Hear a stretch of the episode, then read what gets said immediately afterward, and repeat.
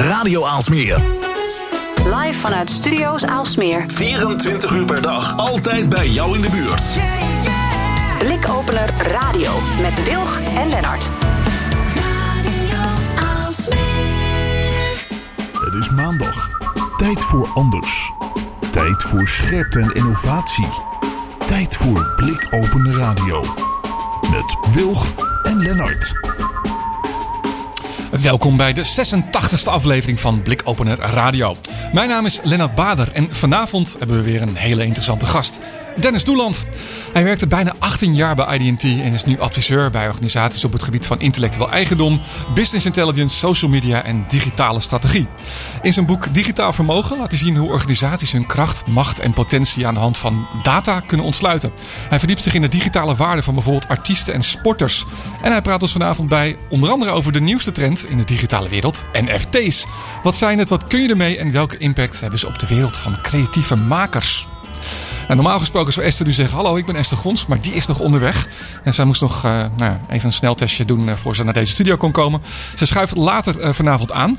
Um, Later in deze uitzending ook columnist Dimitri Vleugel van Androidwild.nl. Uh, hij praat onder andere ons bij over Clubhouse, ontwikkelingen daar. En natuurlijk ook nog de blikopeners van de afgelopen week. Hè, wat viel ons verder op? Eigenlijk genoeg reden dus om te blijven luisteren. En als je nog niet geabonneerd bent op de podcast, nou, zoek dan even op Blikopener Radio in iTunes of Spotify. Of ga naar de website blikopener.radio. En als je suggesties hebt voor uh, leuke gasten, doe even een mailtje. post.blikopener.radio radio. En zoals gezegd, leuke gasten, interessante gasten aan de lijn. Dennis Doeland. Dennis, goedenavond. Hey, goeie, goedenavond. Nou, zoals gezegd uh, in de introductie. Um, ja, nogal actief op het gebied van uh, digitaal, uh, digitale waarden. dat soort zaken. Als, als we even helemaal teruggaan in jouw verhaal. Hè. Ik begon met 18 jaar IDT. Hoe ben je daarin gerold überhaupt? Uh, ja, in 1992 uh, uh, begon ik me samen met, met drie, inmiddels mijn vrienden ook geworden in, het leven.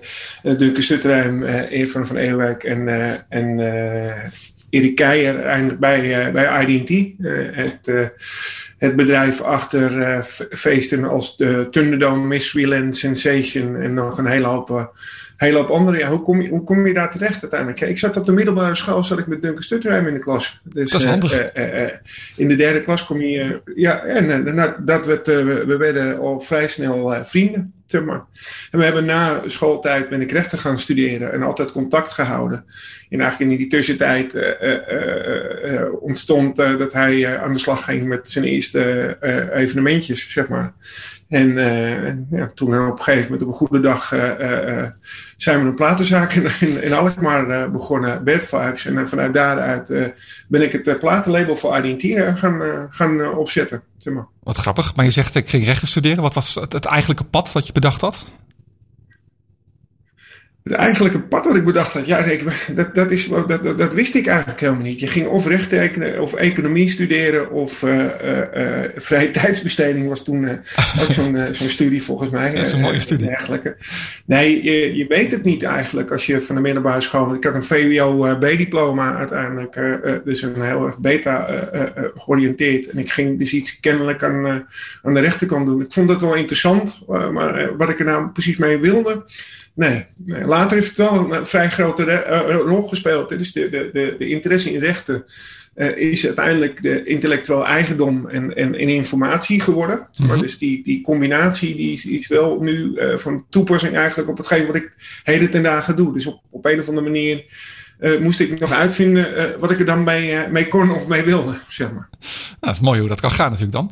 Nou, als je 18 jaar bij zo'n bedrijf werkt hè, en daar gewoon uh, eigenlijk al heel jong terechtkomt, kan me ook voorstellen dat je van alles meemaakt daar. En op, op allerlei plekken misschien wel uh, uiteindelijk je pad uh, vindt. En zoals je al zei, je wordt steeds meer gespecialiseerd in, in het intellectuele eigendom. Wat, wat heb je zoal gedaan? Wat, wat, wat, wat zijn memorabele dingen om te noemen daarin? Nou, eigenlijk de rode draad in mijn hele carrière is verandering. De verandering is verandering van de muziekindustrie. Dus ja. is, eerst verlegden we eigenlijk de grenzen binnen, binnen muziek. We gingen elektronische muziek uh, uh, uitbrengen. dat was gabber en daar verkochten we miljoenen cd's van. En iedereen zei van ja, dat is geen muziek, zeg maar. Hè? Want het was niet gemaakt met instrumenten, om het maar zo te zeggen. Nou, dat, dat was een vrij grote verandering. Uh, nou, dan had je eigenlijk al van vinyl naar CD. Dat was al een, eh, een, een ding. De, de entree van internet als massamedium speelt, speelt ook een hele grote rol. En eigenlijk iedere keer als, als de dingen waren, stak ik eigenlijk mijn vinger wel op van, ja, laat mij dat maar uitzoeken. Ik vond het gewoon leuk om dat uit te gaan zoeken. Ik ben een beetje autodidactisch, zoals ik het altijd zeg. En dan, dan leer ik dat wel uiteindelijk. En als ik het geleerd heb, dan kan ik het anderen vertellen of helpen daarmee uh, aan de gang te gaan. En eigenlijk die, die, die continue evolutie, dus van inderdaad die muziek op, die, op die nieuwe soorten gedragen, zoals CD's, maar ook dus de entree van het internet, ja, dat, dat zorgt enorm voor continu dat je denkt van oké, ja, we moeten op het volgende uh, uh, stationnetje alweer komen. En die trein die dendert maar door. En ondertussen werden we ook een soort van populair, om het zo te zeggen. De feestjes werden goed bezocht. De, de muziek werd, werd, goed beluisterd. Ja. Ja, en dus, dus, eigenlijk een hele grote gekheid. Maar eigenlijk is de, de ik, ik noem het altijd surfen op de golf van verandering. Mooi. Maar dat is ook leuk dat is volgens mij wat je het allerliefste doet. Dat is hartstikke leuk, ja. Dat is echt, daar, daar, daar krijg ik veel energie van, zeg maar. ik kan me helemaal voorstellen. En, en het zijn ook nogal wat veranderingen geweest. Hè? Ik bedoel, uh, wij zitten allebei in de industrie, hè, wij weten dat. Maar voor mensen die dat niet weten, uh, hè, als je vroeger platenlabel had en je verkocht cd's. Nou, dat was heel steady. Hè? daar wist je gewoon van, oké, ik, ik, nou, ik heb voor dat kan ik verkopen. En opeens was daar het grote boze internet en kon je het downloaden. Dat was nogal wat het was helemaal gek uit uiteindelijk. En uh, letterlijk uh, werd, werd het internet en, en eigenlijk alle sites die muziek begonnen te distribueren als rovers en piraten gezien uiteindelijk die de internet, of tenminste de muziekindustrie een stuk maakte. Maar eigenlijk, eigenlijk uh, die hele, hele muziekindustrie begreep helemaal niet wat die verandering uh, inhield. Uh, zeg maar. Dus ze zagen dat eerder als een bedreiging dan als een kans. Hè. Als je dat nu bekijkt, de muziekindustrie floreert meer dan ooit uiteindelijk. Ik bedoel, 80% van de, of 82% van de opbrengsten van de muziekindustrie uit Nederland uh, komt uit streaming. Nou, dat, dat, als je dat eind jaren 90 uh, wow. probeert ja, ja, ja. En in, in, op, in, in, in de rest van de wereld ongeveer 60%. Dus er zit ook al op de. Hè, dus, dus je ziet gewoon dat hele model verschuiven. En, hè, dus die, die, en, en, dat begreep men gewoon niet eind jaren 90. En uh, ik riep wel eens van ja, weet je, het wordt gewoon echt anders dan we, dan we denken. Ja, dat zei iedereen van ja, tuurlijk joh. Ja, kunnen we hier wel geld mee verdienen. Ja. Maar het lijkt me ook tegelijkertijd een hele lastige rol. Ik bedoel, als je steeds degene bent die moet zeggen van... Uh, ja, maar het wordt echt anders. Het gaat, gaat echt, je kan hier echt wat mee of hier zit een kans in. Even heb je Bremen niet een beetje zoiets van, ja, dan heb je hem weer. Hè, met zijn met mooie verhaal en met zijn verandering. Ja, dat, dat, heb je ook. Dus ik ben een, ik ben een hele tijd roepen in de woestijn geweest, ook letterlijk. Uh, uh, van, ik noem wel eens, zeg je was gekscherend, als ik een presentatie hou bij een bedrijf of op een, of een conferentie, dan roep ik wel eens van ik, ik ben getransformeerd van roepen in de woestijn naar nu aanjagen van het eindspel, zeg maar. Dus, de, dus de, het eindspel is in, uh, in gang gezet, zeg maar. Dus met andere woorden, elke onderneming is een digitale onderneming. Ja, en uh, dat, daar krijg ik nu wel de handen voor op elkaar. Maar twintig jaar geleden, uh, toen ik daar mee begon, dacht men, oh, daar heb je Dennis weer, weet je. Met zijn digitaal, op Amsterdams gezegd, met zijn digitale gelul. dus ja. En heb je ook nog een paar boeken over geschreven. Nou, kijk eens aan, man. Ja, ja, ja, ik heb inderdaad, uh, uh, om het allemaal maar een beetje behapbaar te maken. Ook gewoon voor mensen. Uh, kan je nou simpel opschrijven waar, waar, waar, die veranderingen dan over gaan en waar ze impact op, op hebben. Ja, leek het mij wel handig dat ik alles wat in mijn hoofd zat, maar eens op papier ging zetten. Hm, slim. Nou, niet, niet zonder succes zou ik zeggen. Uh, op een gegeven moment stopte je verhaal bij IDT. Ben je voor jezelf begonnen als, als adviseur? Misschien ook wel met die reden dat je ziet had van, nou, ik heb zoveel kennis. Um, ik wil iets anders doen. tijd voor een verandering, maar dan bij mezelf. Jazeker. En in, IDT werd ook een mammoetanker, een groot bedrijf dat toch wat minder uh, wendbaar werd uiteindelijk. En ook wel, weet je, ook wel hikte tegen, tegen die verandering aan. Van, moeten we dat wel doen? Is het dan wel, weet je, moeten we echt die kant op? Willen we dat wel? Dus ik, ik, had ook wel het gevoel van, weet je, ja, weet je, ik ben eigenlijk een, meer een, een loodsbootje voor die mammoetanker. Eigenlijk die, die, die mammoetanker gewoon goed veilig de haven inloodst of, uh, of wat dan ook. Dus, dus ik denk dat ik het loodsbootje maar niet meer alleen voor dit bedrijf moet, uh, moet zijn, maar, maar, maar, misschien wel gewoon voor een hele industrie. Hm. En door om helaas persoonlijke redenen dat mijn ouders beide te kwamen overlijden, ben ik bij INT eventjes op, opgehouden met werken uiteindelijk. En dat gaf me ook wel het inzicht om, om, om te zeggen van ja, weet je, als ik door wil, dan moet ik het anders gaan doen in het leven. Hm. Dus eigenlijk een hele trieste gebeurtenis heeft gezorgd dat je uh, voor jezelf um, en dat het juist op je pad kwam. Ja, je, je, je gaat gewoon uh, anders opnieuw naar het, uh, naar het leven kijken en, en bedenken van nou ja, weet je, als ik nog twintig jaar moet werken, ja, wat, wil ik dan, wat zou ik dan willen, willen doen nu uiteindelijk? En uh, bij mij werd gewoon de missie, hoe verander ik in mijn eentje de, de entertainmentindustrie? Kijk, lekker een bold statement. Heel goed. Inmiddels ook aangeschoven in de studio met een, eh, een negatieve COVID-test. Uh, ja. Esther goedenavond Wilg. Hulde aan de sneltesten in deze wereld. Het maakt het leven wel een stuk makkelijker. Nou, goedenavond. Fijn dat jij er ook, uh, ook bij bent. Uh, Dennis en ik waren alvast begonnen met ons gesprek natuurlijk. dat lijkt me een goed idee. Sowieso.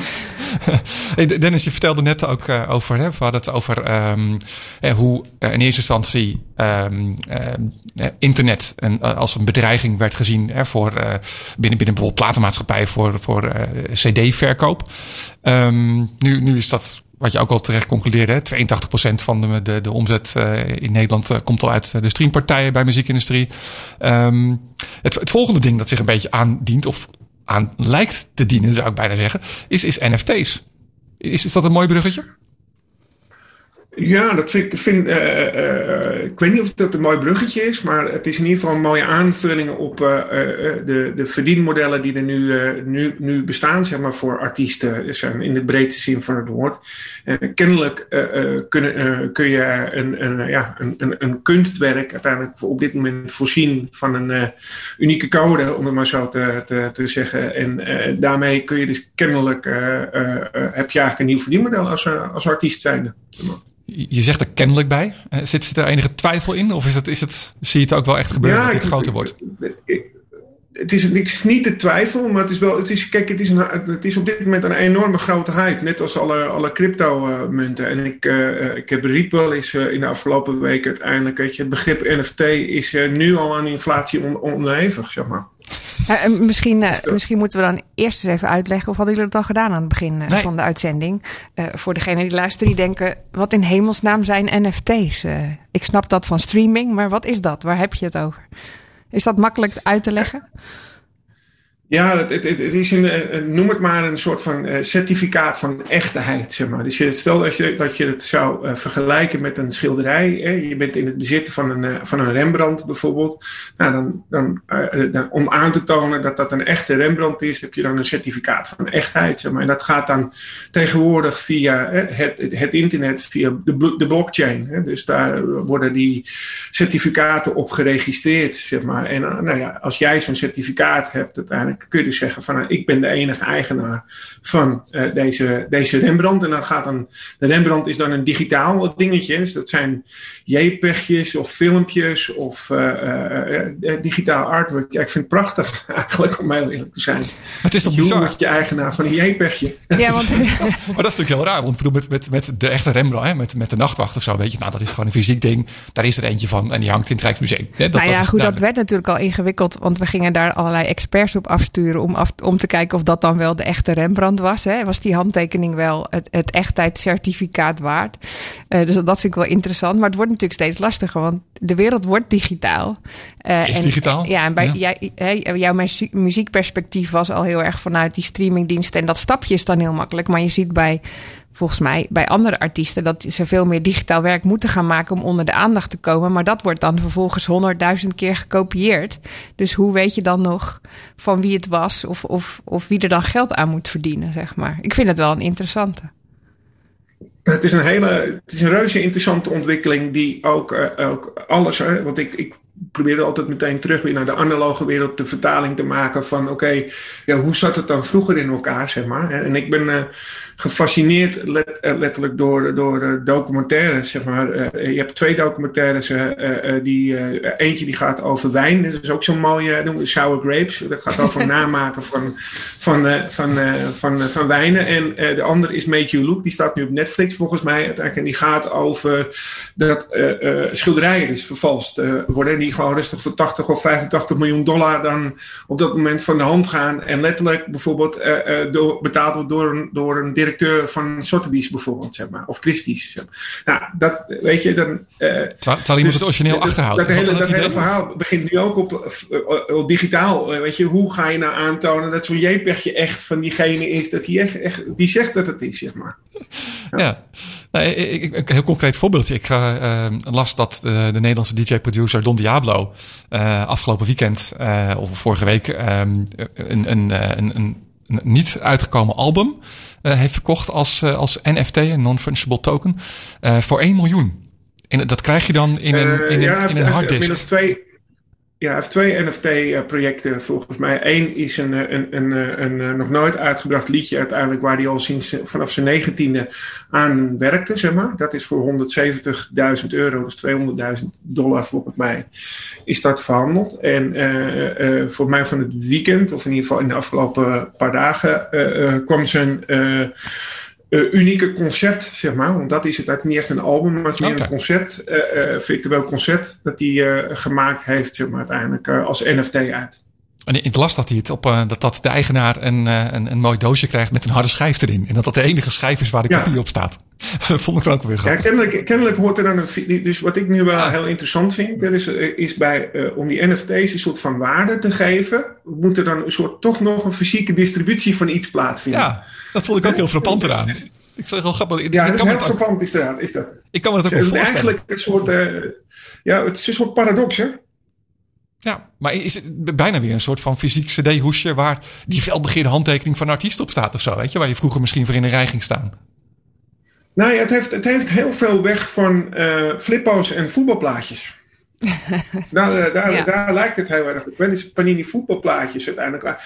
Had je het elftal compleet, had je de serie compleet, had je ook het clublogo, uh, weet ik het allemaal. Nou, zat je boek helemaal vol en je had het boek uit een bepaalde, bepaalde tijd. Ja, dan had je een, een, een, een waarde in je hand, zeg maar. Ja, maar goed, er is het volgens mij ook begonnen, dat, eh, dat hele NFT. Ik kan me herinneren dat uh, toen uh, de, de, de Ether blockchain, dus er zijn, jij zegt de blockchain, maar er zijn meerdere blockchains waar al die weet je, elke cryptocurrency heeft dan zijn eigen variant van die blockchain. En toen Ether, het Ethereum blockchain uitkwam, uh, waren ze daar al mee bezig.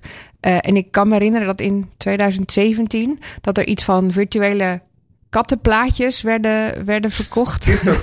ja, die. en dat was een enorme hype. Ik geloof dat mensen echt voor miljoenen gespendeerd hebben aan die, aan die, kat, aan die katten. Uh, aan, die, aan die pixels van kattenplaatjes, zeg maar. Een soort, een soort Pokémon-achtige kaarten die je kon verzamelen. Dus uh, ja, wat dat betreft lijkt het inderdaad wel op zo'n uh, zo'n flippo-achtige wat, wat, wat, wat, wat, wat, denken jullie? Wat voor, wat soort mensen koopt dit? Het is toch een beetje een soort van bragging rights. Hè? Het is een beetje, je kan opscheppen dat jij de eigenaar bent. Dat je de enige bent. Is, is, hoe, hoe dan? Of is het puur om te verkopen? Wat denk je, Dennis? Nou ja, het zijn in ieder geval mensen die heel veel cryptomuntjes hebben. Op een of andere manier. Die, want uh, je kan het niet kopen met geld. Hè, dus je moet betalen met, met cryptovaluta. Nou, dat zijn er volgens mij tegenwoordig, wat is het, zes of zevenduizend van of zo. Dus, maar goed, afhankelijk. Dus het zijn mensen die ergens muntjes in bezit hebben. Dus die kopen dat daarmee. En ja, het zijn aparte, ik, kennelijk bijvoorbeeld achter het, het, kunstwerk van Beeple. weet je, ga je dan kijken wie dat gekocht heeft. En, nou, het, zijn, het zijn aparte aparte mensen die toch ook wel, veel, uh, toch wel in die digitale wereld uh, steeds wat sprongen maken, zeg maar. Ja. Of heel speculatief. Eigenlijk gewoon ervan uitgaan van, nou, maar dit kan ik wel weer verkopen of zo voor meer geld. Ik wilde gewoon net met crypto. Is dat niet met kunst altijd zo? Nee, dat is natuurlijk waar kunst soort van volgens mij op gestoeld is. Ja, maar goed, ik bedoel van de wachtwacht, nachtwacht. Wat de, gek, wat de gek ervoor geeft, toch? Ja, wat, maar dat hoe, ik, hoe ik het zie, dus dat vind ik ook interessant hoe jij dat dan ziet nu, Dennis, vanuit omdat jij er ook mee bezig bent, is dat dit een soort van proof of concept is. Hè? Je kan dus uh, op de, uh, met NFT's op de Ethereum blockchain op deze manier met uh, kunst omgaan. Uh, maar dat betekent dat je ook op deze manier met copyright kan omgaan. En, en dat copyright is nu eenmaal een heel lastig principe zoals het nu in elkaar zit. Uh, en we gaan straks volgende fases in. Niet alleen van de blockchain, want die, gaan, die worden ook verbeterd. Dus we gaan naar, naar het verbeteren. Want we waren nu bezig met die proof of concept. Is het iets waar we iets mee kunnen? Volgens mij bewijst dat NFT dat het daadwerkelijk iets is waar we wat mee kunnen. Want je ziet dat kunst in de echte wereld soort van afneemt. Um, want, want we gaan digitaal leven. Dus het lijkt hiermee weer een nieuwe opleving te hebben. Dus ik denk dat dit een soort van proof of concept is. Van oké, er zijn mensen die dit doen. Um, het hoeft niet per, altijd per se dat jij ook uh, Ether hebt uh, om dat te kunnen doen. Want er zijn, in plaats, er zijn inmiddels heel veel marktplaatsen waar je dat met je een soort van uh, exchange kan doen, ja, zeg maar. ja. ja, dus ik denk dat, dat dit nog wel iets is waar we wel iets van kunnen verwachten. Er zijn natuurlijk heel veel. Ja, tenminste, zo zie ik het. Dit is waar we naartoe gaan. Ja, ik, ik, geloof wel dat het bewijst uiteindelijk dat je dus een bepaalde waarde in iets kan, uh, kan stoppen, zeg maar. Maar ik ben wel benieuwd uiteindelijk als het straks van hand tot hand gaat, of die waarde dan uh, uh, blijft bestaan. En, en de, het, het, het, het, hele interessante is de volatiele munten die erachter zitten, zeg maar. Dus die dit mogelijk maakt. Dus die waardeverspringingen, hoe die dan invloed gaat hebben op die waarde van die kunst. En, en of mensen dus dan in één keer in de war raken en ja. snel dumpen of verkopen. Of, nou, daar, dus er zit een heel ja, noem maar sentimentaspect aan. Van een, een, maar, maar denk je dat, die, dat, dat, de waarde in de, in de waardebepaling zit? Of, of zit de waarde juist in um, het, ja, het verdelen van die, van die rechten? Dus uh, nee, dit is echt van mij. Of stel, we hebben hier met tien mensen uh, aangewerkt. En, en dit kan niet zomaar um, eindeloos gekopieerd worden... dat niemand meer weet van wie het nou is... en iemand anders er met de rechten van doorgaat. Hè? Dus, dus dat het veel meer daarin zit, die waarde. Ja, ik denk, denk, ook wel dat het in, het, in, het, in de NFT zelf gaat zitten. Dus zeg maar in, in wat ga je nou maken. Hè? Kijk, uh, uh, schil, een schilderij is een schilderij. Een Rembrandt is niet per se... weet je, iedereen zou kunnen schilderen, zeg maar. Maar de vraag is dan, hoe, hoe, hoe wordt die waarde bepaald? Is dat... door, nou ja, goed, daar, daar zit nog wel denk ik een een groot, groot gebied, zeg maar. Ik vind het tof bijvoorbeeld dat je kan aangeven in een NFT bijvoorbeeld, uh, dat je zegt van nou ja, als het doorverkocht wordt, krijg ik x procent ervan. Of dit zijn de mensen die iets van moeten krijgen. Hè, dat, dat, dat, dat stukje, dat gaat wel, help, dat gaat wel helpen uiteindelijk dat, er, uh, dat mensen uh, hiermee doorgaan en denk ik en de boel blijven ontwikkelen. Dat vind ik een hele interessant ook, want dat is eigenlijk iets wat met normale, mensen geven als voorbeeld van als jij een voetbaltalent uh, doorverkoopt. Hè, dan krijgt de club waar die begonnen is nog steeds wat geld daarvan of zo. Maar dit is eigenlijk een soort contract wat erin zit. Hè? Moet, je, moet je het zo zien? Is het een soort digitaal contract? Ja, eigenlijk zie je inderdaad een soort van afspraken. Letterlijk, die, die erbij horen. Overigens, terug naar het copyright stuk. Zeg maar, je koopt niet het copyright. Hè? Dus, dus, dus je koopt het bezit, zeg maar. Ah. digitale bezit van de, de, copyright. Hè? Dat is niet overdraagbaar. Nee, nee, nee, dat klopt. Maar het, het legt wel iets vast wat, op een, wat anders um, niet zo makkelijk zou kunnen. Dus je kan in die smart contract, zeg maar, wel, die, die er dan, waar je dat in vast kan leggen, wel zeggen: wij hebben dit met z'n vieren gemaakt. En we willen dat als er iets verkocht wordt, altijd geld gaat naar deze vier mensen die de echte eigenaren zijn. En dan, en dan, dan slaat het constant op van wie dan op dat moment uh, de eigenaar van het werk is. En, en dus ook wie het, wie het als eerste gecreëerd hebben. Dus dat dat vast ligt. Uh, ja, maar ik denk dat daar heel veel waarde in zit. En niet zozeer in de waardering van het werk op dat moment. Uh, daar, ben ik, daar ben ik het helemaal met je eens hoor. Uh, dus dat, zo zie ik dat ook. Dus dat, dat de afspraken, de onderliggende afspraken, om maar zo te zeggen, dat die eindelijk een keer op, op de, op de plek terechtkomen waar ze, waar ze, waar ze moeten. Ja, en, en kijk, ik denk de, de, de kunstenaar zelf natuurlijk uiteindelijk die talent heeft en uh, iets bedenkt uiteindelijk, dat gaat natuurlijk gewoon bepalen wat mensen daarvoor willen geven. Zeg maar. Ja, nou, je bent natuurlijk nogal van de digitale waarde. Eh, waarde toekennen aan, aan de, de digitale wereld. Um, hoe zie je dat, dat als het op artiesten richt, hè? Hoe, hoe, zie je dat ze hier verder waarde uit kunnen halen? Of, of hoe zouden artiesten dit zouden moeten kunnen inzetten?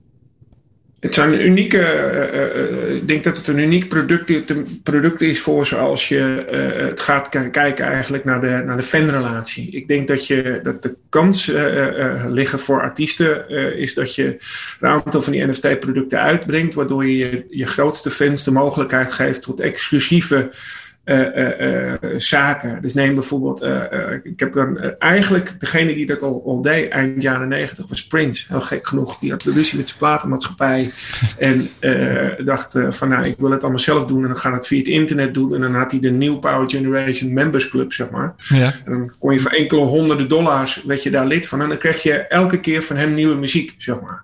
Nou, die soort van gedachte, dus dat je een zeg van nou oké, ik maak een exclusief ding uh, voor je, dat ik of exclusieve nummers aan je geef, of je hebt altijd, uh, kun je bij mij in de Golden Circle staan, uh, het is voor aan het podium, een meet and greet, weet ik het allemaal, en is al die extra dingen in bijvoorbeeld een muziekstuk of in een album. Of nee, goed, de, de, daar, daar zal de, de, de, artiest echt van kunnen, kunnen profiteren. Want daar zit de waarde in. Daar, daar, is kennelijk dus nu bereidheid voor om te, om te betalen. Zeg maar.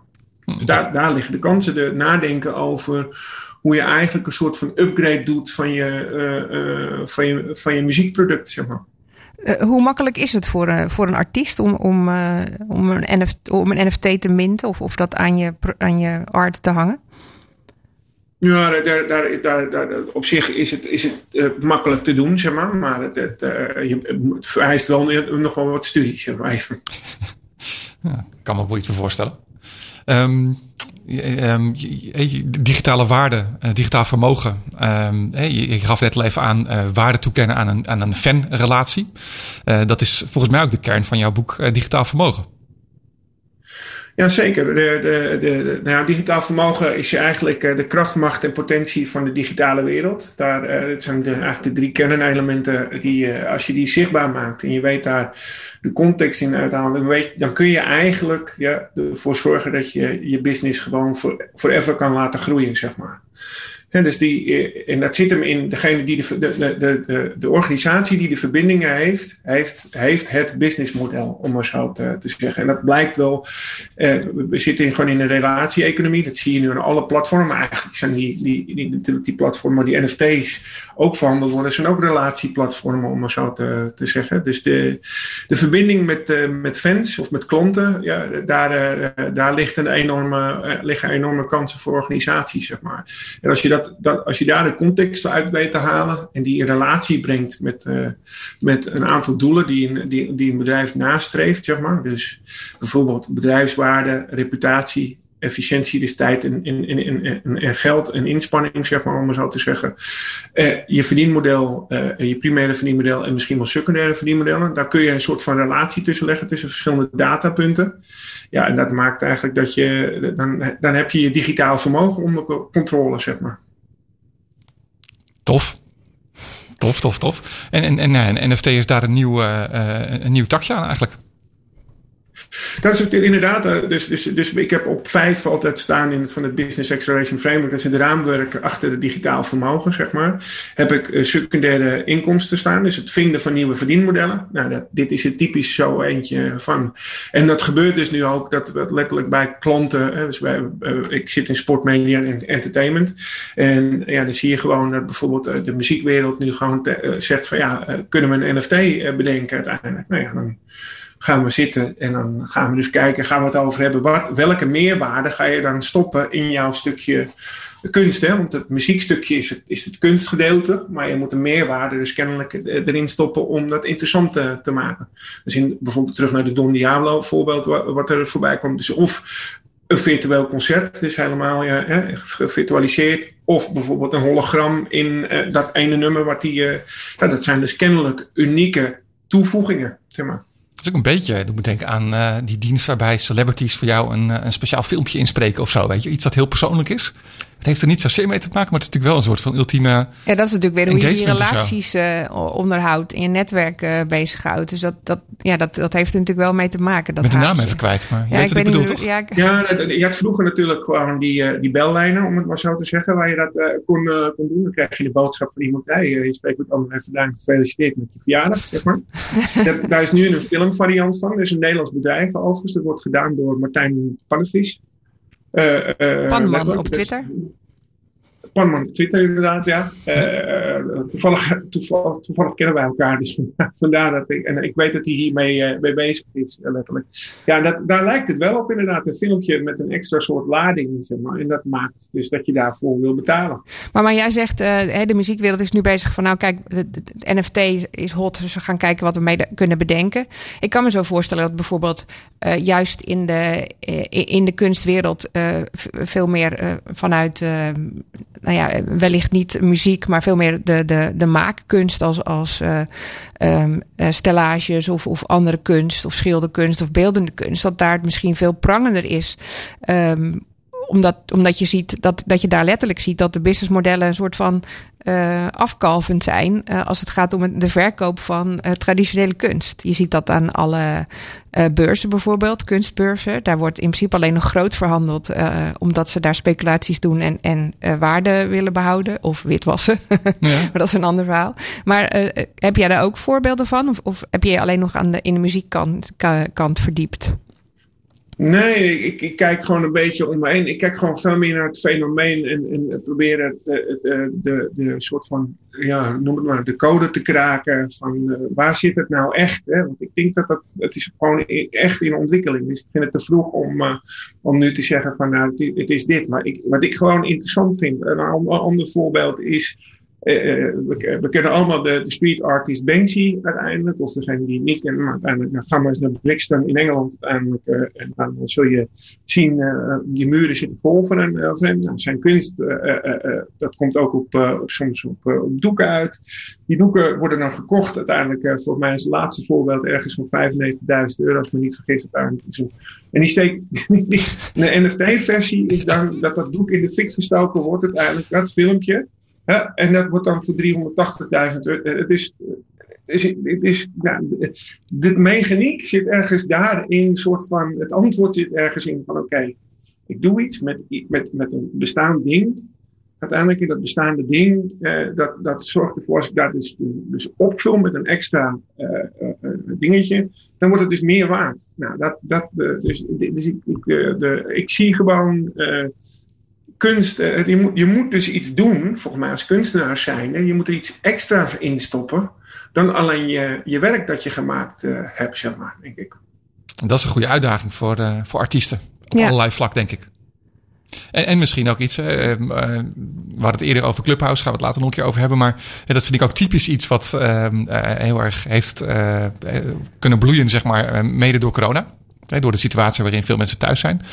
Eh, denk je dat dat met NFT's eigenlijk ook wel een beetje meespeelt? Dat mensen toch eigenlijk een soort van gedwongen zijn om eh, ja, naar alternatieve eh, verdienmodellen te kijken. En dat het daardoor zeg maar extra, extra geaccelereerd is? Jazeker, je ziet ook wel gewoon uh, het aantal mensen dat, dat zich aan het verdiepen was in de, in de cryptomunten aan zichzelf. Dat nam toe tijdens corona, zeg maar. dus dit zal ook wel zeker een, een, een, plekje krijgen. En ik, het is, ik denk ook echt, want ik, het wordt, ik denk dat het steeds moeilijker wordt nu al. Hè, dus daarom zeg ik het begrip NFT's en inflatie onhevig. Ik denk dat het voor artiesten steeds moeilijker wordt om uh, goede NFT's te verzinnen, zeg maar. Ja. Hè, je, nu, nu, je, kan nu, je kan nu nog uh, misschien, nou, ik denk dat, dat je daar ook al te laat mee bent, een, een JPEGje en een, en een tweet verkopen. Uh, ja, stel, je zal straks, denk ik, toch wel voor goede huizen moeten kunnen komen om in ieder geval tegen die bedragen waar het nu gedaan voor wordt, uh, uh, uh, ja, je, je, je kunst als NFT aan te bieden, zeg maar. Ja, ja, of het is een herwaardering van kunst op zich. Want de waardering van goede kunst, fotografie en andere dingen is natuurlijk door de digitalisering heel erg naar beneden gegaan. Mensen dachten, oh ja, dat kunnen we toch van het internet plukken. en hij heeft nu een herwaardering nodig, waar NFT's wellicht een rol in kunnen spelen. Ik denk, ik denk zeker dat, die, dat, die, dat, dat de, de, de herwaardering van kunst, dus dat, dat je inderdaad gewoon weer dingen toch wel wat waard, omdat daar certificaten aan, aan, aan gehangen worden van, van echtheid, om het maar zo te zeggen. Dat je die kan, kan kopen als, als eigenaar. Ik denk dat er, dat er verschillende stukken als, de, als de catalogie, zeg maar, dus van schilderijen of van foto's of van uh, ga zo maar door, wat je allemaal kan, zou kunnen, kunnen bedenken, ineens weer gewoon een soort van eigenaren krijgen. dus dus wat, wat nu een soort van voelt als gratis, zeg maar, is het nu. Dan ik denk dat daar zeker een heel groot stuk, uh, een grote rol voor NFT nog weggelegd is. En, ik vind het altijd frappant hè, om. Um, uh, je kan natuurlijk zeggen van nou, dat, uh, die NFT, daar moet iets unieks in zitten. Hè. Dus als artiest maak ik iets unieks. Hè, en dan willen die, die, die, die groep Uber-fans, zeg maar, die ik heb, hè, die ook bereid zijn om daarvoor te betalen, die krijgen dus iets unieks wat de rest niet heeft. Dat is tegelijkertijd ook een beetje jammer, denk ik. Want als artiest wil je natuurlijk ook creëren en wil je een zo groot mogelijk publiek bereiken. En dat, dat is natuurlijk ook altijd een beetje met betaalmuurtjes en ding. Um, speelt dat hier ook weer mee? Ja, je zit zeker als artiest. Maar je, je, je wil een heel groot publiek bereiken. Maar soms wil je ook gewoon een bepaald publiek bereiken. Hè? Eh, de artiesten hebben altijd wel toch wel duidelijke ideeën met hun stukken. Hè? Eh, en de ene artiest is de andere artiest niet. Hè? Dat is, uh, dus, dus, en je kan natuurlijk genummerde oplagen zetten. Zeggen, dat zou natuurlijk ook je? Kunnen. je zou natuurlijk ook nog een genummerde oplage kunnen doen. Dat betekent me nu ook pas hoor. Maar... Nee, maar, dat, maar daar, daar, daar gaat. Daar, ik, ik denk dat daar een, een, een, ook een groot deel naartoe gaat. Hè. Dus die de genummerde oplagen, de schaarsheid, weet je, dat, die gaan dan weer. De, de, dat is weer de effect op de waarde, om maar zo te, te, te zeggen. Dat soort dingen zul je, zul je zeker gaan zien. Hm. Nog, nog een uh, mooi schot voor de boeg waar het naartoe gaat? Goh, jeetje, nog, nog een mooi schot voor de boeg waar het naartoe goed gaan. we zijn, eh, ik denk dat we net pas begonnen zijn. Ja, dat denk ik ook. Dennis, dankjewel. Uh, als mensen meer over jou willen weten of uh, over de dingen die je gedaan hebt, waar kunnen ze terecht online? Uh, ze kunnen op dennisdoeland.com terecht. En Dennis met één, net, met één N. Dus, en daar blog ik elke week minimaal twee, drie keer. En, en leg ik uit hoe je de kracht, macht en potentie van de digitale wereld op zijn, op zijn best zou, zou kunnen benutten. Ja. En kunnen mensen zich abonneren op je nieuwsbrief? En inderdaad kunnen mensen abonneren op mijn nieuwsbrief. Dat klopt. Je wordt, er, je wordt er meteen naar gevraagd. Heel goed. Hey Dennis, dankjewel voor je bijdrage aan Blik Open Radio vanavond. Graag gedaan. Succes. Hoi. En zo gaan we door met um, de blikopeners van deze week. Esther, wat, uh, wat viel je allemaal op? Ja, ik uh, heb natuurlijk vooral uh, in, in al die NFT's verdiept. Want ik vind dat reuze interessant. Dus uh, ik, uh, ik heb ook op Clubhuis gezeten, uiteraard. en uh, geluisterd naar, naar al, die, al die rooms waar mensen zich echt verdiepen in, in, in NFT's. En ik vroeg net al aan, aan Dennis, hoe makkelijk is het om, om als artiest nou te beginnen met zo'n met zo'n NFT? Stel dat je er echt mee zit en je, en je en je weet niet meer hoe je nou aan je geld moet komen en je wil je erin verdiepen. Nou, er zijn, inmiddels zijn er heel veel marketplaces, hè, een soort uh, online marktplaatsen uh, ontstaan waar je dan bezig kan gaan zijn uh, met NFT's voor jouw kunstwerken. Minten, zoals, zoals ze dat noemen. Mm -hmm. um, en uh, nou ja, het is misschien wel handig om daar eens naar te kijken als je, als je gaat kijken van hoe moet ik dat nou doen. de grootste marktplaats voor NFT's is OpenSea. Uh, en daar zitten heel veel makers uh, die daar uh, met hun kunstwerken, dus niet alleen muziek, maar ook echt sieraden, nou ja, zeg maar, zeg maar een Etsy, maar dan met NFT. Oké, ja. waar ze dan die, die NFT's aan kunnen hangen, op die manier ook met hun kunstwerk om kunnen gaan. er zijn er nog een aantal, ze, ze hebben allemaal hele interessante namen, zoals Rareable en Super Rare. maar je ziet ook Rareable, dat. Rareable, mooie naam. Ja, je ziet ook dat er, dat er er komen er ook heel veel bij. Dus je moet wel goed kijken van, nou ja, goed, waar zitten nou uh, mensen waarvan ik denk, oké, okay, dat klopt. Of, of waar voel je je nou thuis? Ga er onderzoek naar doen. Uh, want uh, toen ik keek, waren er alweer twee nieuwe bij die gelanceerd waren voor makers. Want het is echt een heel hot item, zeg maar. Tulpemani. Nou ja, wellicht. nou, wat Dennis net ook al zei, hè, van kijken of, het echt, of je al echt hebt. Ja, nou ja, precies. Dat, dat, dat is, dat is super belangrijk. Maar ik denk ook wel dat dat, dat dat ook aantoont dat er heel veel um, mensen echt uh, het zien als een nieuwe manier waarop ze nu met hun, uh, met hun kunst kunnen omgaan. En dat, dat merkte ik ook in die, in die clubhuisrooms waar ik geweest ben. Dat zijn toch echt heel veel uh, kunstenaars die niet zozeer op de muziekkant zitten, want daar lijkt het minder urgent te zijn, maar heel erg op de, op de maakkant van uh, sieraden, maar ook fotografie en echt schilderijen. die merken dat, dat de waardering voor hun kunst eigenlijk, in, eigenlijk afgelopen is. Mensen zeggen, ja, maar ik kan ook iets van het internet halen. Dus hoe mhm. kunnen zij daarmee omgaan? Dus bij, bij hen is het heel prangend om daar op een andere manier naar te kijken, lijkt wel. Uh, en er zijn hele grote open communities ontstaan. Uh, ik heb nu in drie of vier clubhuisrooms gezeten om me daar in te verdiepen. En ik word dus nu op zowel Twitter als Clubhuis uitgenodigd voor die open communities van makers. Uh, voor NFT's, omdat ze allemaal elkaar aan het helpen zijn van hoe doe je dat nou? Wat als je nou niet technisch bent? Maar we willen zoveel mogelijk um, uh, met elkaar delen. En het gaat ook niet zozeer om heel veel geld te verdienen, maar, eh, of het commerciële, maar gewoon hoe kunnen we hier eerlijk mee omgaan. Mm um, en daar komen ook al die vragen van: um, kunnen we daar ook in vastleggen met hoeveel kunstenaars we hierin hebben gewerkt? En kunnen die dan ook op de eerlijke manier uitbetaald krijgen? Dus die vragen zijn daar heel erg, um, nou ja, die komen daar heel erg in naar voren. Dus dat vind ik heel interessant, want ik zie daar wel. Uh, nou ja, best heel veel mogelijkheden. Ja. Um, Jij bent natuurlijk opgegroeid als dochter van een kunstenares, dus dat, uh, dat gaat je aan het hart. Dat, dat is zeker waar. Ja. dat, is, mijn perspectief, zeg maar. Ja. Maar wat ik dus heel interessant vond, is uh, dat ik op Twitter ook een gesprek tegenkwam met uh, Ed Arlan. Nou, die, die, die, die volg ik dan vanwege allerlei vragen over ethiek en sustainability. Um, en die zegt, ja, maar hallo, moeten we dan als al die kunstwerken ineens allemaal digitaal zijn en uh, we gaan die uh, leuk aan de blockchain hangen en, uh, en NFT's van minten, ons niet heel erg zorgen gaan maken over de carbon footprint? Toen dacht ik, ja. oh jee. Oh god, hebben ja, we natuurlijk nog. Ja, dat hebben we ook nog. heb ik het helemaal niet over gehad. Nee. Hebben we niet over nagedacht. Nee. Oh. Um, maar goed, um, ik heb een heleboel artikelen gelezen voor en tegen, maar dat is allemaal heel ingewikkeld. Want weet je, die blockchains die worden ontwikkeld en die dat, dat gebeurt al. Uh, en een NFT is niet zozeer iets dat heel veel extra druk op die blockchain uh, legt. Het, dat zijn transacties die je vastlegt. En dat gebeurt al in de blockchain van Ethereum, in de blockchain van, uh, van Bitcoin. Er zijn nieuwe blockchains op komst die ontwikkeld worden. En het is niet zo dat NFT en daar een heel zwaar ding aan hangt. Het kan hoogstens zijn dat het, dat het de acceptatie het vergroot ja, of het ja. gebruik vergroot. En, en, het probleem even heel kort nog voor de mensen die dat niet weten, is dat het mijnen van die dingen of het doen van transacties moet heel erg voor gerekend worden. Nou ja, kost veel rekenkracht. Dus daar ligt dus het grootste stroom. footprint. Dat als je dus uh, zegt van nou, ik heb een cryptocurrency, dit is de blockchain waarin die, uh, waarin die ontstaat, dat mensen dan gaan mijnen, zeg maar. Het is net als dat je naar goud mijnt, gaan we nu naar cryptocurrency mijnen. En dat kost heel veel energie. En, en niet zozeer die transacties van uh, die NFT's die daarop vastleggen. Uh, dus ja, de vraag is: komt dat dan door de NFT's? Of is dat zo dat elke uh, blockchain dan weer een cryptocurrency heeft die wordt gemijnd en, en dat dat sowieso een footprint heeft?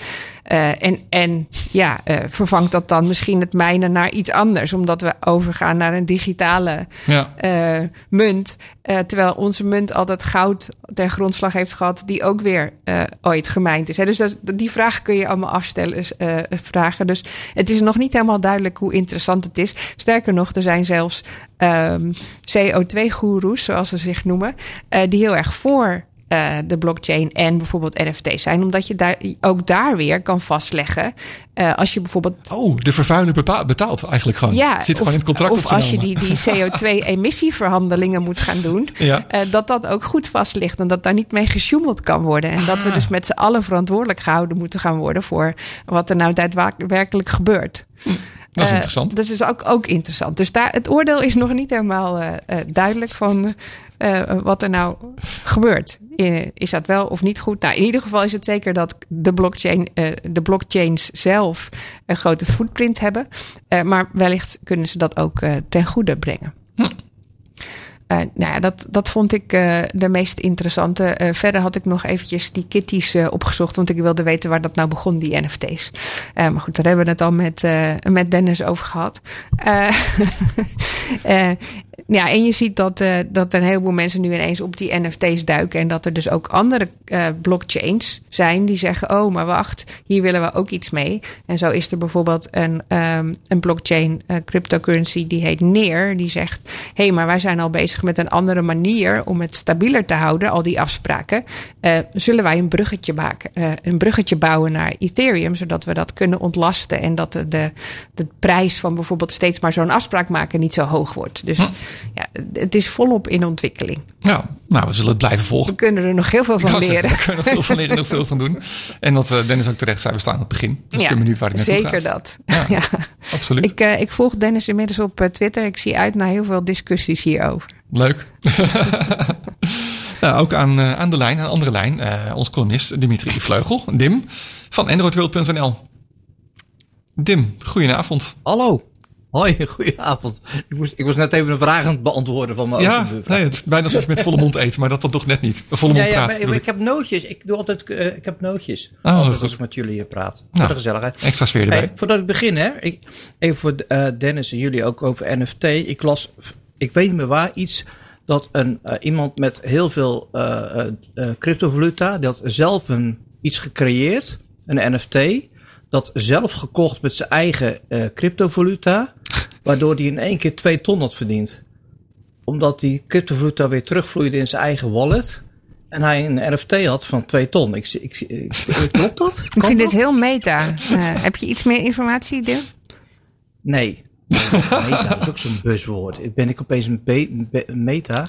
Nee. Maar ik, ik, ik, zou dat kunnen, want dan gaan we opees geld uh, drukken, denk ik. Zo ongeveer. Ja, maar dat is voor mij wel een... een nou, ik word heel schaapachtig, heel schaapachtig aangekeken door... Uh, door nee? kan het niet of wel? Nee, ik weet het niet. Ik krijg hier geen antwoord op. Oké. Okay. Okay. Um, waar gaan we het over hebben, jongens? Zullen we beginnen met de Facebook-hack? Altijd leuk. Hadden we een Facebook-hack? Ja, nee, nou dat, dat is juist waar ik het over wil hebben. Is dat, uh, dat er in 2019 een Facebook-hack is geweest. waarbij er van 500 miljoen mensen uh, gegevens uh, bekend zijn geraakt, zijn gejat. En dat dat nu naar boven komt. En dat het eigenlijk helemaal niet zo'n ding is. Um, dat ik daar weinig. Ik zie natuurlijk wel berichtgeving op. En er stond op nu.nl en nos.nl. Maar eigenlijk niemand. Je mist verontwaardiging. Verontwaardigd. Ja. En ja, nou ja. Ik, terwijl ik denk van ja. Na alles wat we al gehad hebben. Uh, dit is toch. Ik bedoel, fucking irritant dat dit weer gebeurt. Is toch kan er ook nog wel bij. Ja, dit kan er ook nog wel bij. En ik, ik snap, dat er, ik snap niet dat er uh, zo weinig verontwaardiging is van. Uh, en, en met vuisten op tafels wordt geslagen van jongens, dit, dit, dit moet nu wel eens een keer even geregeld worden. Ja, dat we massaal zeggen, we gaan uh, van Facebook af. Uh... Ja, dat blijft altijd. Maar voor, ja, mij, is het, voor ja. mij is het meest irritante hieraan, Dim, dat uh, Facebook eigenlijk um, er niks over gezegd heeft. Omdat de gedachte een beetje is van ja, we hebben het destijds gedicht Inderdaad. en je kan er nu toch niks meer aan doen. Dus waarom zouden we al onze 500 miljoen gebruikers die het betreft informeren ja. erover?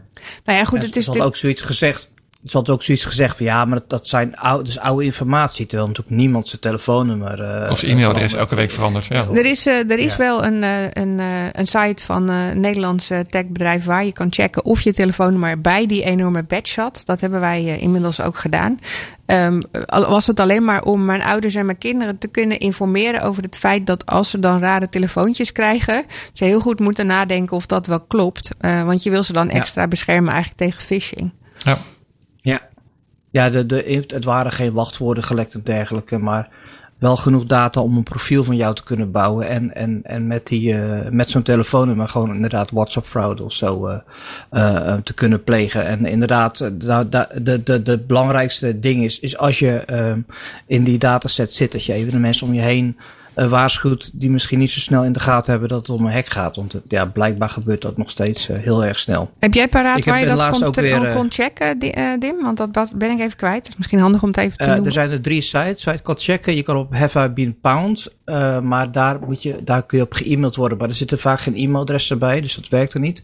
De Facebook Lead Checker is gemaakt door jstsch.com een beetje moeilijke uh, uh, URL, maar is een Nederlandse URL, of een Nederlandse maker. En dan kun je gewoon je naam invullen en dan zie je vanzelf al of je, of je gehackt bent. En dan ben ik erbij.nl, ben ik erbij.nl of ben ik erbij.be. En dan kun je op je telefoonnummer zoeken of je ook bij dat uh, datalek zat. En ik, ik was een van de happy few. Tenminste, 5 miljoen mensen uit Nederland. Vast zeg dat. Voel toch iets minder bijzonder. bij zaten. nee, ik, was, ik, voel me helemaal niet bijzonder. Maar, in de, ik, ik, ik, kijk, de, de hek al zich is natuurlijk heel erg. Maar ik, ik verbaas me nog veel meer om het, uh, om, ja, van, nou, dat iedereen een beetje met zijn schouders zo doet. Van, nou, ja, en zijn we het dan al te veel gewend? Is dit, is dit iets wat we maar wat moet er gebeuren nou waardoor, je wel, waardoor je wel uh, verontwaardigd bent? Of waardoor je wel je vuist op, het, op je digitale toetsenbord slaat en denkt van nou, nu stop ik ermee. Wat zou er moeten gebeuren?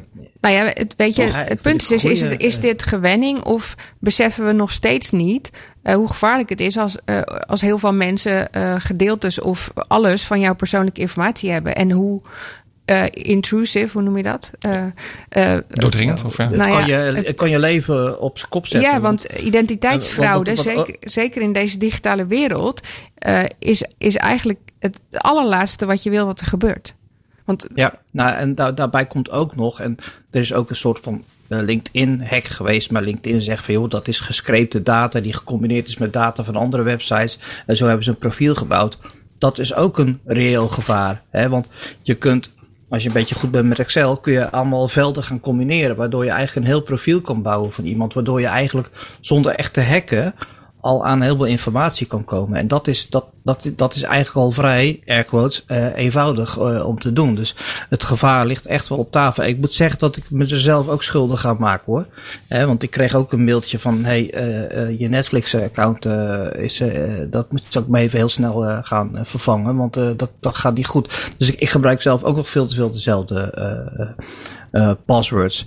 dus, maar, als ik het al doe, moet mijn omgeving er dan niet mee omgaan. Ja. En dan krijg je echt zeker de oudere generatie zegt van ja, moet ik nou alweer al een paswoord aanmaken? Uh, ik heb er eentje en die is goed genoeg. En ik ben al blij dat het eentje kan onthouden misschien. Ja. Ja, precies. Dus dat, dat is wel een ding. Nou ja, zoals ik zei, uh, LinkedIn had er ook eentje, maar die vonden het ook allemaal niet zo heel erg, want dat was allemaal gescreept. Kijk, het is natuurlijk voor die grote bedrijven ook het ergste wat er kan, hun kan overkomen. Hè. Je, bedoel, zeker als je beursgenoteerd bent, dan wil je zulke dingen niet, uh, uh, niet hebben.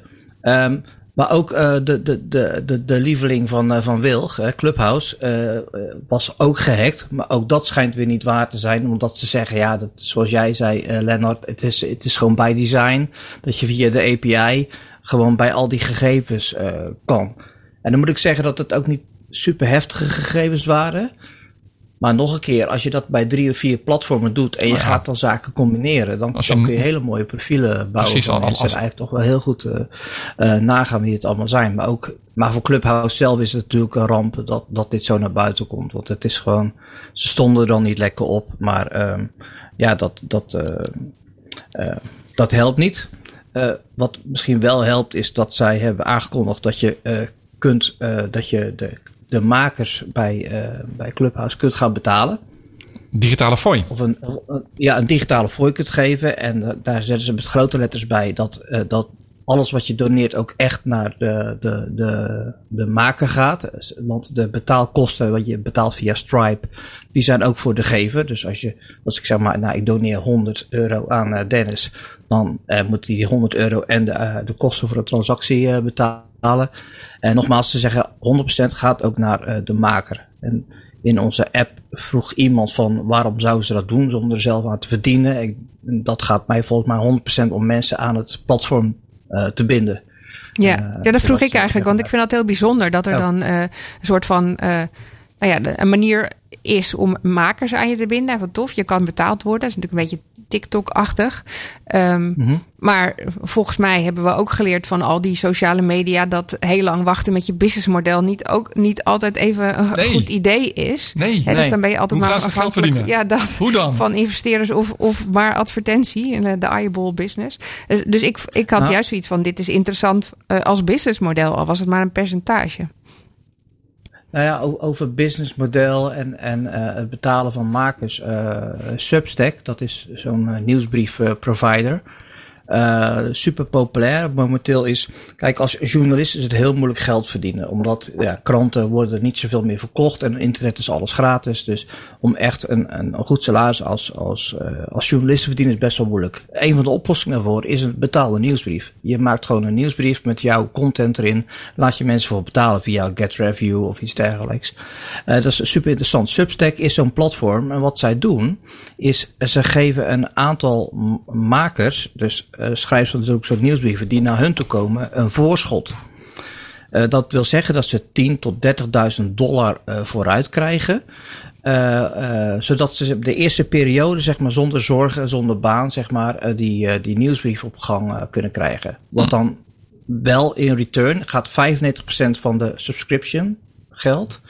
Uh, of nee, iets minder, 85 minder, ik weet ja. niet uit mijn hoofd. Ja. Ga, gaat uh, dan uh, naar Substack en nog die, de resterende blijft, is, is ook voor de maker. Na een jaar wordt dat omgedraaid. En zij zeggen daarmee van daar hopen we mee de, de, de, de serieuze journalisten, degene die echt hele goede content maken, proberen we zo een, een zetje in de rug te geven om, om die start te maken. Want het is natuurlijk best wel moeilijk om te stoppen met een dayjob en wat uh, nieuwsbriefjes te gaan schrijven en tot te hopen dat er mensen op uh, subscriben. Op zich vind ik dat wel een mooie, um, uh, een mooie actie. Het, het, is wel heel erg het model weer van platenmaatschappij eigenlijk. Die gewoon artiesten voorschot ja. geven. Ja, nou ja journalisten boekenschrijvers. Ja, boekenschrijvers. Ja, ja precies. Uitgeverijen die ja. dat doen. Ja. Ja, alle, ik, ik heb niet kunnen teruglezen of, of, ze, of verplicht worden zoveel uh, um, um, te maken of iets dergelijks. Maar er, zijn ook wel wat, er is ook wel wat kritiek op, las ik ergens, dat, um, ja, dat het best wel gevaarlijk is. Want als je zo'n uh, iemand een voorschot geeft en hij schrijft dingen die misschien niet door de beugel kunnen, antisemiti antisemitisch, racistisch, et cetera, dan ben jij zeg maar als platform wel degene die dat mogelijk heeft gemaakt om te schrijven. Hm. Ze zeggen wel duidelijk van niemand schrijft voor Substack. Ze schrijven alleen voor zichzelf. Ja. Alleen dat voorschot, voorschot is natuurlijk om hun en, en om ze aan te binden. Want ik bedoel, de, de, de newsletter uh, bedrijven schieten ook al uit de grond. En het is toch zeg maar. Uh, ja, de waarde uh, hangt natuurlijk af van de kwaliteit van de schrijvers die je hebt. Maar als schrijver kan het ook dus zijn, hè? Je, je koopt eigenlijk een beetje het risico af. Nee, want je, je bent ja. gewoon wat zeker van je, van je zaak, maar je levert ook ontzettend ja. veel geld in. Dus ik heb ook een verhaal gehoord over een, uh, een, een uh, journalist die dat ook deed, maar die dus misschien wel vijf ton of zo misgelopen was daardoor. Dat hij dus um, eh, voor die worst zeg maar gegaan is, in plaats van dat hij zelf een risico gelopen had. Dus ondernemersrisico ja, je, lijkt me ook. Het is ondernemersrisico. Gewoon, ja. Nee, dat klopt. Maar dus om aan te geven dat dat dus uh, ook dat mes weer aan twee kanten snijdt. Grappig. Ja. Maar goed, dat is wel, dat, dat laat ze ook zeggen, dat stukje zegt, uh, zeggen ze ook van, jongens, dit is gewoon een keihard businessmodel. Weet je, dit is geen sponsoring of zoiets. Nee. Het is gewoon een businessmodel.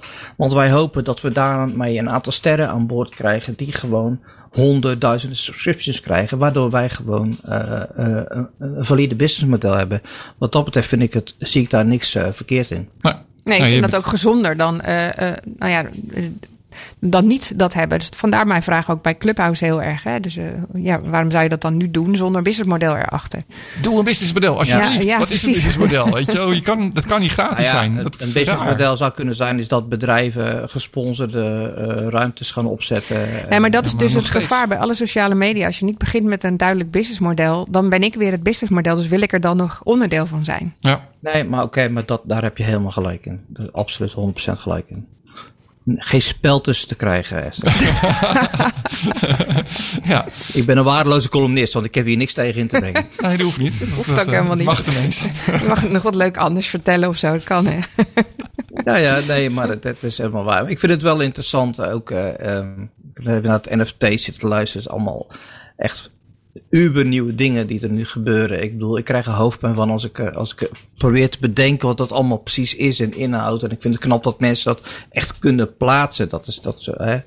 dat vind ik echt wel knap. Ik heb daar op dit moment nog best wel uh, moeite mee, zeg maar, om dat allemaal precies te zien. Hm. Nou ja, maar dat is het leuke van dus, blik openen, vind ik. He, dat ze dat soort dingen aan nou ja, brengen. En uh, afgelopen ja. week hadden we, of, uh, vorige aflevering hadden we het nog uh, over de plantaardige dranken hè, van onze boer, Tom. nou ja, het, het gaat, uh, het goede variatie, maar altijd innovatie. Dat is natuurlijk Blik Open Radio. En we maken het simpel voor jullie. Speciaal voor jou, Dim, maken we het simpel. Dankjewel. Speciaal voor Dim, dat klinkt dan weer niet zo aardig. Nee, niet zo niet aardig. Ah, nee hoor, ik vind dat helemaal niet erg. Ik, kan er ook wel verstand van hebben, toch?